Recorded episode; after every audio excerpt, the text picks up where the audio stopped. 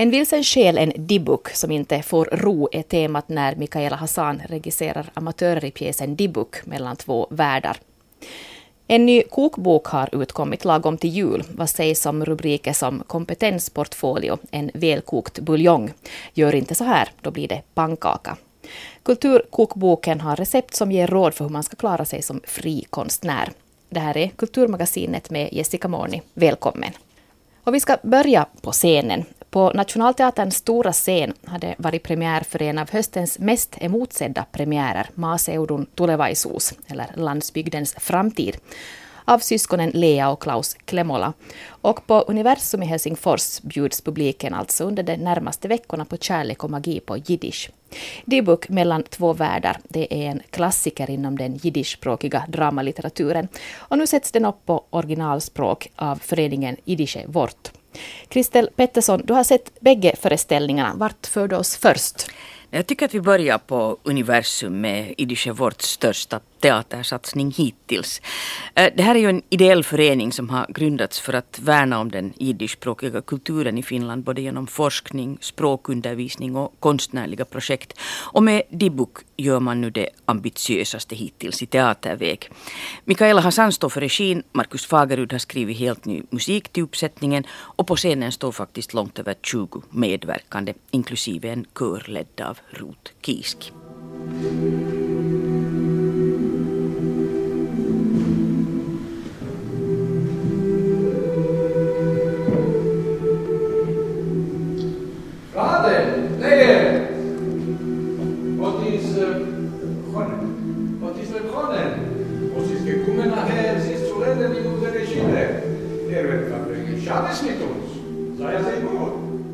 I det mörklagda scenrummet förflyttas vi tillbaka i tiden till en småstad i västra Ukraina.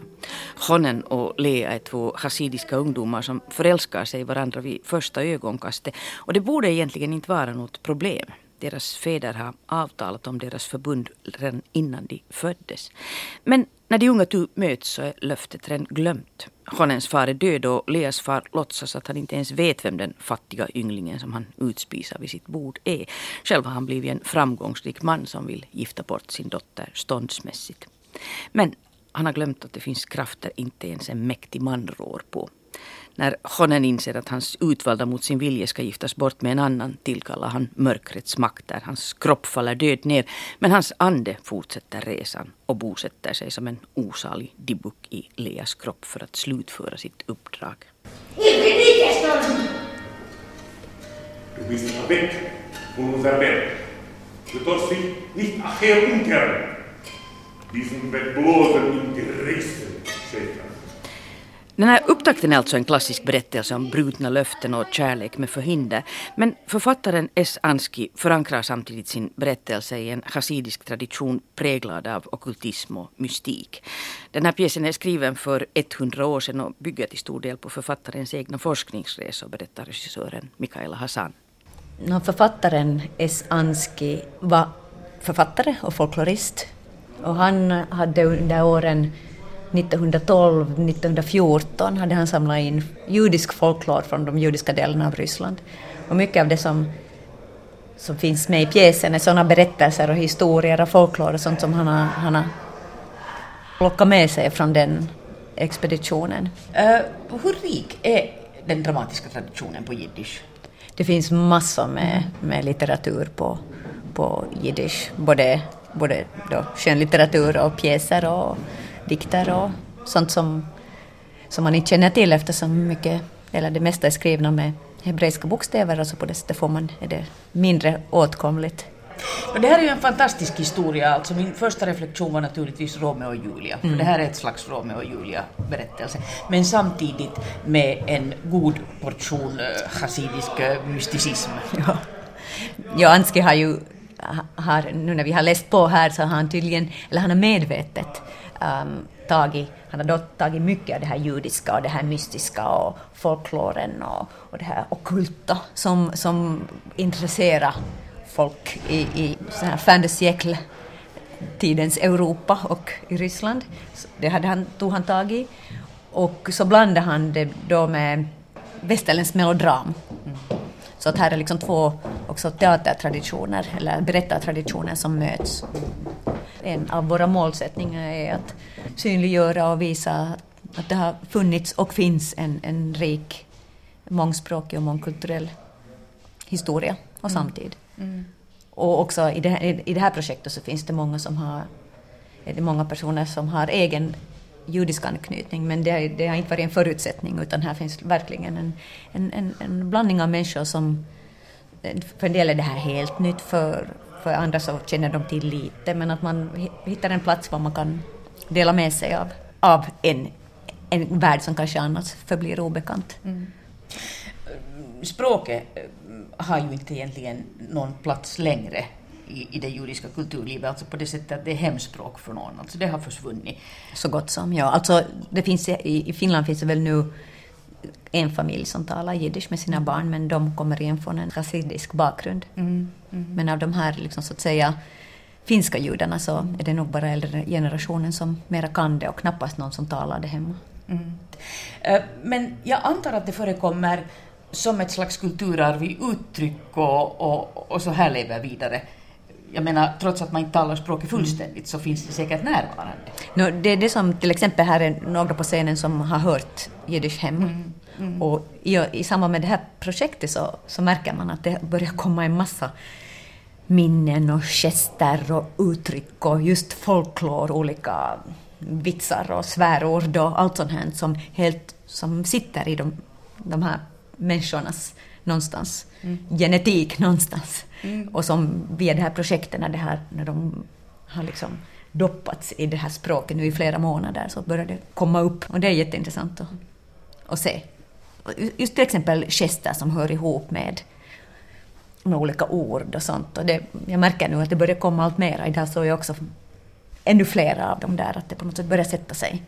Att det kommer inifrån, inte mera utifrån, för allt är ju inlärt. Mm. Att, att mm. skådisarna har ju, har gjort ett jätte, jättestort jobb med att lära sig språket och få kontakt till det. Jag menar jiddisch är ett språk om man tittar på gamla jiddischspråkiga filmer till exempel, så det används mycket händer och mm. fötter och, mm. och viftanden och liksom det hur ser ett manus ut? Alltså, hur, hur är det skrivet? No, det är skrivet på, på, på transkriberad um, jiddisch på ena sidan av sidan mm. och på andra sidan är det översättningen på finska.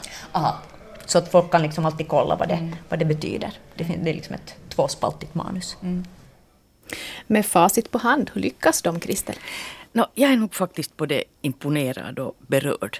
Det är helt klart att hanteringen av text är lite brokig. Man kan ibland förnimma hur kugghjulen rasslar i huvudet på skådespelarna. Men som helhet är den här uppsättningen en stark upplevelse på alla plan. Anna Sinkkonen, Mariagge och Paula Lehtonen har tillsammans kreerat ett väldigt suggestivt scenrum som ständigt lever genom videoprojektioner och växlingar mellan ljus och mörker. Och samma rörlighet går igen i Markus Fageruds musik och ljudvärld. Ingenting kommer ju från band här. Ljudvärlden skapas i sin helhet av kören och en musiker på scenen Daniel Schaul på cimbalom.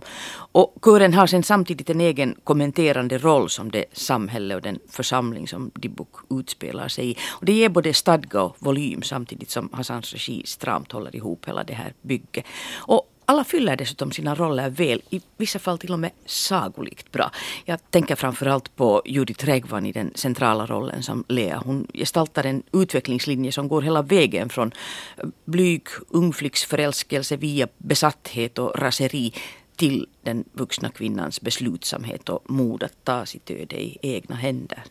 Kehr sich um zu mir, mein Hasen, mein Mann. Ich will ein Dätzen tragen in mein Herzen. Und in die Chaleim es werden wir zusammen wiegen unsere Nieder. De övriga rollerna är mera statiska till sin karaktär men alla skådespelare fångar essensen i den väldigt bra och tar verkligen tillvara de där enskilda momenten där de antingen då belyser någon del av sina karaktärer eller det samhälle och den tankevärld som de är rotade i. Eh, när Kaita Kolander till exempel i rollen som den undergörande rabbinen Asriel utvecklar sin liknelse mellan vikten av själslig styrka och lindansarens färd över ett bråddjup så är det samtidigt ett stycke teater i teatern. Medan vi ser honom gestalta den där darriga balansakten som fingerteater så förvandlas vi alla till andäktiga barn inför den vise mannens fötter på något sätt. Så det här är en resa mellan två världar i många bemärkelser. Och Dessutom så kan nog uppsättningen ta äran åt sig för årets bästa programblad. Ett helt litet häfte där arbetsgruppen också delar med sig av den forskning som de själva har gjort i samband med det här projektet. Fyra föreställningar återstår, den sista på torsdag om en vecka. Och jag antar att det andliga steget är långt i den gångna veckans andra premiär, Lea och Klaus Klemolas Maaseudun Tulevaisuus på Nationalteatern. Ja, där tar du fel. Stilvalet är visserligen ett helt annat. Men faktum är att också maaseudun tulevaisuus rör sig mellan olika världar och medvetandenivåer. Isäntähän kävi sellaisella tuolla Jyväskylässä Mandela-talolla sellaisella henkisen elämän kurssilla. Ja mä joudun olemaan siellä mukana. Ja nythän on sellainen noita tai joku ja nythän tuolla Lyttässä rummuttaa koko ajan ja sen takia te ootte täällä, että anteeksi kauheasti. Ja alltså Maximi Kuorikoski, gestaltad av Klaus Klemola själv, är en före detta trummis på Sverigebåtarna som har sadlat om. Han har hittat sin andliga dimension. Och med hjälp av sitt kraftdjur, en häst, så trummar han sig nu ut på shamanistiska färder mellan olika medvetandenivåer. Då när han inte stickar förstås för att behålla sinnesjämvikten. Och för att hålla sig med ullförråd så bedriver han fårskötsel med hjälp av sin förtrogna hunden Bertil som vi hörde här. Den där fårfarmen den hade inrättat i en nedlagd kyrka som dessutom har haft ett mellanskede som biograf för att Maaseudun tulevaisuus utspelar sig i en snar framtid när Finland bara består av två län det befolkade och rika i söder och det avfolkade och arma i norr. Och där i norr är människan mer eller mindre ett utdöende släkte. Service förekommer inte längre. Det enda som finns kvar är skyltarna som kommunen säljer ut billigt. Och djurslakt förekommer inte heller längre. För i det fattiga norr har djuren istället tagit över de arbeten som människorna tidigare har gjort. Så i granngården till exempel huserar bonden Pavo med hjälp av en huse som är hund och en get Malvina som både fungerar som huvudförtroendeman, arbetsledare och Pavos älskarinna. Det är Vuoliokis husbonde och pigakonstellation i ny tappning. Gränsen mellan folk och fe är genomgående uppluckrad. Människorna beter sig djuriskt och djuren mänskligt. Och det är inte så alldeles lätt att se några skillnader på den punkten.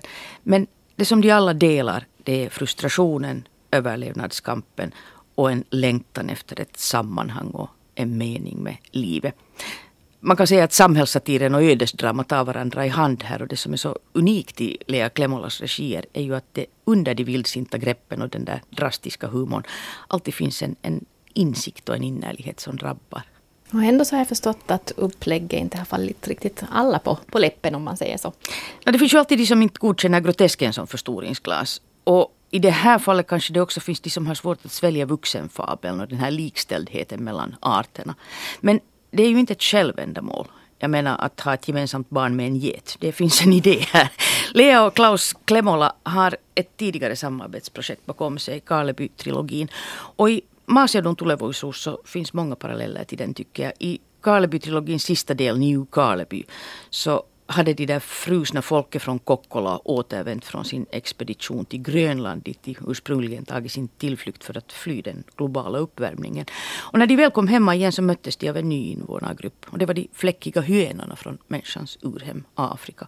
Och plötsligt så var de där alla i samma sits. Det sista vi såg av dem det var det här gänget inklämt i en buss på väg ut på sin sista ödesfärd. Och här finns en, en del av samma stämningar. Lea och Klaus Klemola teoretiserar inte men de har en osviklig förmåga att konkretisera stora teman. Klä dem i väldigt fattbara och enkla scener och situationer.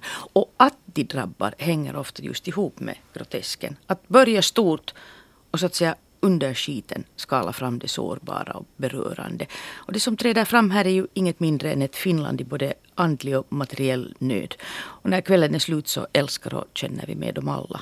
Och inte nog med det, vi ser också tydligt oss själva i dem tycker jag. Mm. Ensemblen då, hur skulle du säga att, att den klarar av den här estetiken? Och det roliga är att, att ensemblen faktiskt genomgående hittar rätt ton och verkligen tar ut svängarna. Mikko Kivinen, Sari Puumalainen och Marit Turunen gör till exempel tre alldeles oförglömliga porträtt av Bertil Fore Hattara och Jete Malvina. Men äh, rollerna sitter nog genomgående och fantastisk är också Erkki Saaranens visualisering. Den här väldigt mångtydiga äh, nedgångna kyrkinteriören i, i två våningar.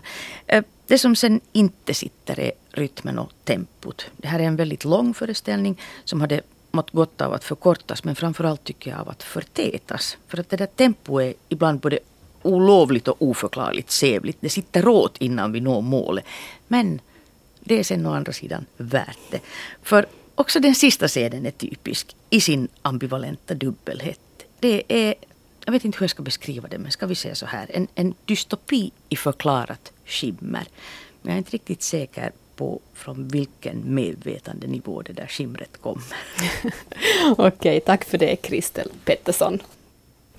Men då har det blivit dags att säga välkommen till Anki Hellberg Sågfors, redaktör för en ny kulturkokbok och till Vasabaserade konstnären Jimmy Pulli. Välkomna hit. Tack. Tack. Lagom till jul så har en kulturkokbok med recept som ger råd för hur man ska klara sig som fri konstnär kommit.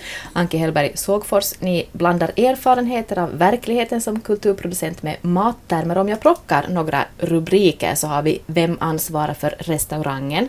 Kompetensportfolio en välkokt buljong. Gör inte så här, då blir det pannkaka. Anki, varför just i kokboksformat? No, vi har ju hållit på och skapat goda arbetsförutsättningar för frilanskonstnärer nu i sju år via sådana här Produforum-projekt. Och så tänkte vi att hur kan vi nu lyfta fram tankar och idéer på ett lite annorlunda sätt, lite läckrare sätt. Och då var det en kollega, Lena Björkqvist, som kläckte den här idén. Hon sa att, att kokboken har ju ett intressant format. Man får ingredienser, man får eh, göra egna adaptationer av de här ingredienserna. Och det, en kokbok ska ju vara lockande och locka liksom att prova på nytt. Och då fastnar vi för den här idén att en kokboksform är rolig att leka med. Mm. Nå, vilket behov föddes då den här kokboken? Det föddes för flera behov. Ett var det att eftersom vi har haft sådana EU-projekt för, eh, för kulturutveckling under flera år så behövde vi en slutrapport. Men vi visste att när man skriver en slutrapport till EU så är det väldigt få, få som blir lockade att läsa den. Så vi ville nå en bredare publik. Vi ville nå fältet, de som verkligen jobbar som kulturproducenter, som konstnärer på svenska i Finland. Och, och därför så, så ville vi liksom sprida det här kunnandet. Och en annan, ett annat behov var att vi har haft, eh, vi har haft de här verksamheterna på flera håll i svensk Finland i, både i Österbotten och Åboland och Nyland och både i, i Nyland också både i Raseborg och Helsingfors och Borgo. Så därför så ville vi samla allt i, i, i samma pärmar för mm. att visa på vad som har hänt liksom på svenska i Finland istället för varje region skilt för sig. För det har varit ett mål med Kulturkokboken och med Produforum-projekten att utveckla det här fältet tillsammans. Men Jimmy Polly, du har arbetat som konstnär i, i tio år vid det här laget. Ja. Mm. Vad tycker du att en konstnär behöver kunna idag? Vad en konstnär behöver kunna? Det, här, det känns ju nog som att kraven blir fler och fler och större och större. Men det kanske har mer att göra med det här, det här hur mycket kunskap vi matas på så här. Men nog är det det som har poppat upp de senaste tio åren så, så det är nog allt mer viktigt att, att kunna vara utåtriktad, att kunna bygga nätverk och att, och att eh, det här, kunna arbeta över, över gränserna som, som då både det här, ska vi säga, landsgränserna och, och konstgrensgränserna. Och jag tror att det här, det här samarbete och nätverksbyggande, det blir allt mer viktigt nästan så att det här själva skapande lämnar i skymundan. Mm. När du har tittat på den här nya kulturkokboken, har den gett dig något matnyttigt? Jag har sett på den lite och, och jag kan nog säga att det, det finns mycket där som, som uh, klingar sant. En, en sak som slog mig när jag, när jag läste igenom den så var, så var det här en, en så enkel sak som att en kokboksform en ganska bra bild av det här nätverksbyggande mellan konstnärer, för åtminstone har jag märkt det, mm. att där, där uh, ett gäng konstnärer samlas kring ett gott mål mat, så där föds det nya idéer och, och tankar och nätverk och projekt. Men, men ska vi säga att i den här boken så, så, så är väldigt mycket sånt som var bekant och så väldigt mycket sånt som är nödvändigt för många idag att, att kunna i konstvärlden och sånt som man kanske inte kan direkt lära sig i en konstskola. Mm, så att den kan fungera som en handbok. Eh, bakom den här kulturkokboken finns alltså det här projektet då, Produforum och en slutsats som har dragits i samband med det projektet eller de projekten är att en möjlighet för fortsatt utveckling av kultur och kreativa branscher, så det är ett fördjupat samarbete med exempelvis då näringsliv och socialsektorn, och då tänker vi kanske dagvård eller utbildning. Och då behöver man också där en bredare skolning, eller vad vi ska kalla det, av konstnärerna. Jimmy, känner du i din vardag också det här att du måste vara nyttig och lönsam? Uh, jo, den där pressen kommer nog fram alltid, alltid nu som då. Och ska vi säga att Kanske det delvis har att göra med att vi har en sån här, det finns en viss attityd mot konsten och konstnärerna i, i vårt land som möjligen har byggts upp via vår kulturpolitik under många tiotals år. Om att konstnären ska vara en fungerande del av ett, av ett fungerande samhälle. Att, att konst, konsten så ska ge något mervärde åt, åt allmänheten. Vilket ju är en väldigt positiv sak. Nu förstås är jag lite orolig för, för att uh, det känns som om den här, det här hela ansvaret skjuts mer och mer över till de här kreatörerna. Och, och ska vi säga att ansvaret har förr, förr varit mer delat mellan själva samhället och de här kreativa personerna. Anke, hur ser du på det här att det förutsätts allt mer av konstnärerna? Jag ser det som en jättestor möjlighet för konstnärer att, att eh, påverka samhället mera också än idag. för att konstens, konstens uppgift är ju att, att tolka det som händer i samhället och att ifrågasätta. Och, och det är ju jättevärdefullt det som konstnärerna gör och det är synd om inte flera liksom kan ta del av det och förstå det och få verktyg att använda det till att tolka världen och, och till att uh, förstå sig själva. Men uh, det är helt klart att uh, alla konstnärer kanske inte passar att jobba i, i dagvård eller i åldringsvård, utan det, det, måste, det måste liksom ses att, att de som har ett intresse för det och de som har, har eh, att, att de får liksom de kunskaper som behövs. Och här har vi inom de här projekten gjort lite olika matchningar mellan konstnärer som är intresserade av att jobba med barn och konstnärer som är intresserade av att jobba i åldringshem till exempel. Och matcha ihop det, man har gjort sådana prova på-verkstäder så att alla har vetat att okej, okay, det här är första gången och man har fått pedagogisk handledning och så vidare. Och så har de här konstnärerna hittat nya arenor att jobba på. Och jag tycker det är jätteviktigt eh, som du säger att, att, att den här konsten i sig ska ju inte eh, falla i skymundan. För det är ju det som är grunden, det konstnärliga arbetet. Men att nå ut på nya arenor ser jag enbart som positivt. Och att flera människor kan använda konsten, fast det kanske man inte vill använda det ordet alltid, det här med konstens nytta eller tillämpning. Men jag ser det som ett, ett bredare fält för konstnärerna att jobba på. Replik till dig, Jimmy.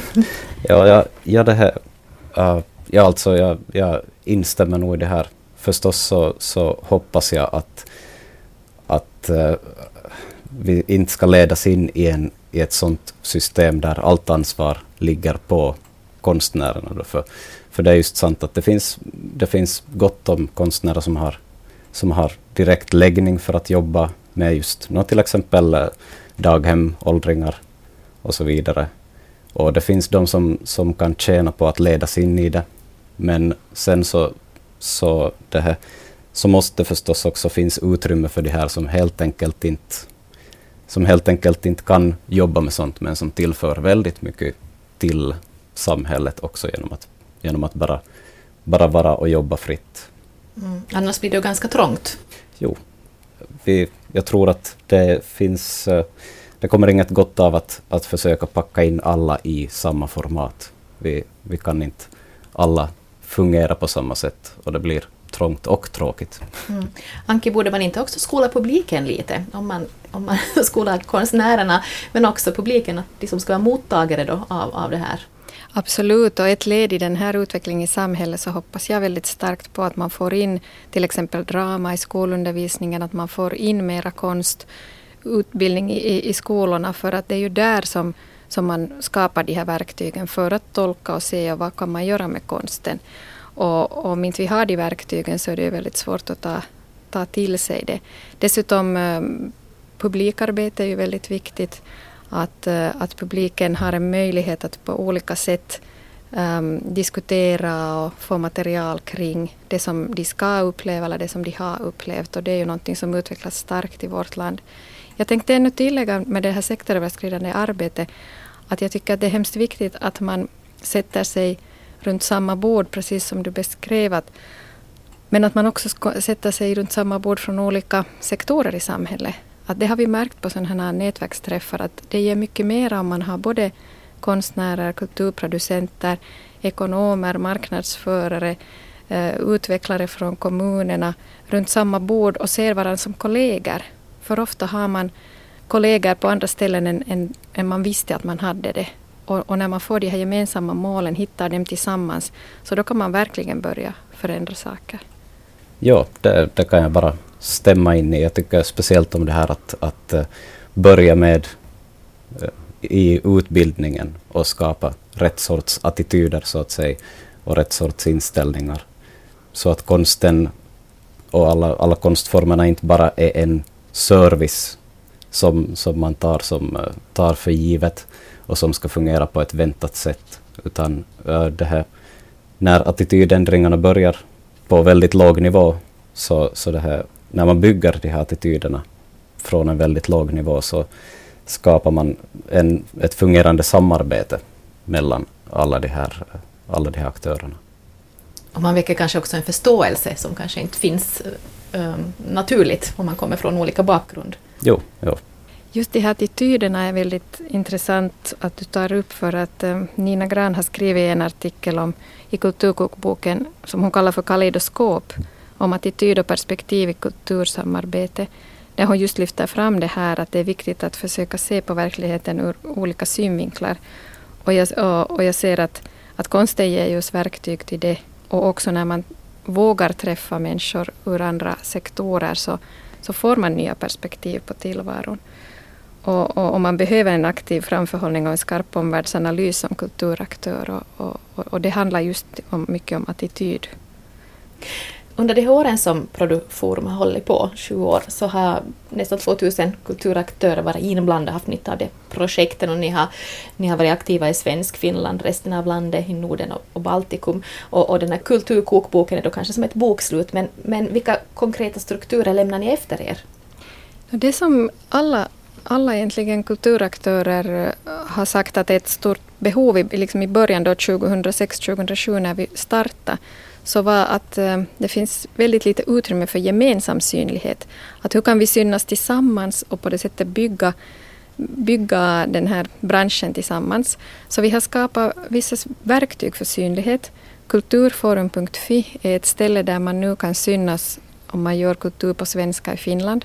Och vi hade inte en sån en sån plattform förut. Sen finns det här kulturpost.fi där man nu som kulturaktör kan enkelt kan skicka e-post om sina evenemang både till pressen och till publik. Och den är en sån som man själv har gått in och bestämt att man vill ha e-post från, så det blir ingen spam. Och sen, eh, och sen dessutom så, så slipper alla enskilda kulturaktörer uppdatera listan på att vem är nu kulturredaktör vid vilken tidning. Och det sparar jättemycket arbete. Och, och sen har vi också, eh, hoppas vi kunna fortsätta Nordmatch som är en sån här nordisk-baltisk nätverksträff där det är meningen att man blir inspirerad av sektoröverskridande samarbeten från olika nordiska och baltiska länder och också utvecklar idéer tillsammans. Jimmy Pulli, ser du värde i de här strukturerna? Jo, självklart. Det är det som jag hoppas på, att det ska byggas starka strukturer som som håller sig uppe, så att säga, av sig själva. Någonting för, för eftervärlden, för att det är den här risken, med, risken som alltid finns med uh, projektarbete, att att uh, de här projekten lever en kort tid. Vad lämnar efter? Vi, vi har sett så mycket, mycket sådana projekt som ska lyfta fram ett, ett eller annat och sen, sen faller det platt efter några år för att strukturerna har inte skapats utan bara, bara det här enskilda projektet. Och, och ja, de här strukturerna är viktiga. Det får vara sista ordet i Kulturmagasinet för ikväll. Tack till Anki Hellberg Sågfors, redaktör Tack. för nya Kulturkokboken och konstnär Jimmy Pulli. Tack. Och kokboken hittas också på nätet. Tack för ikväll. Hej!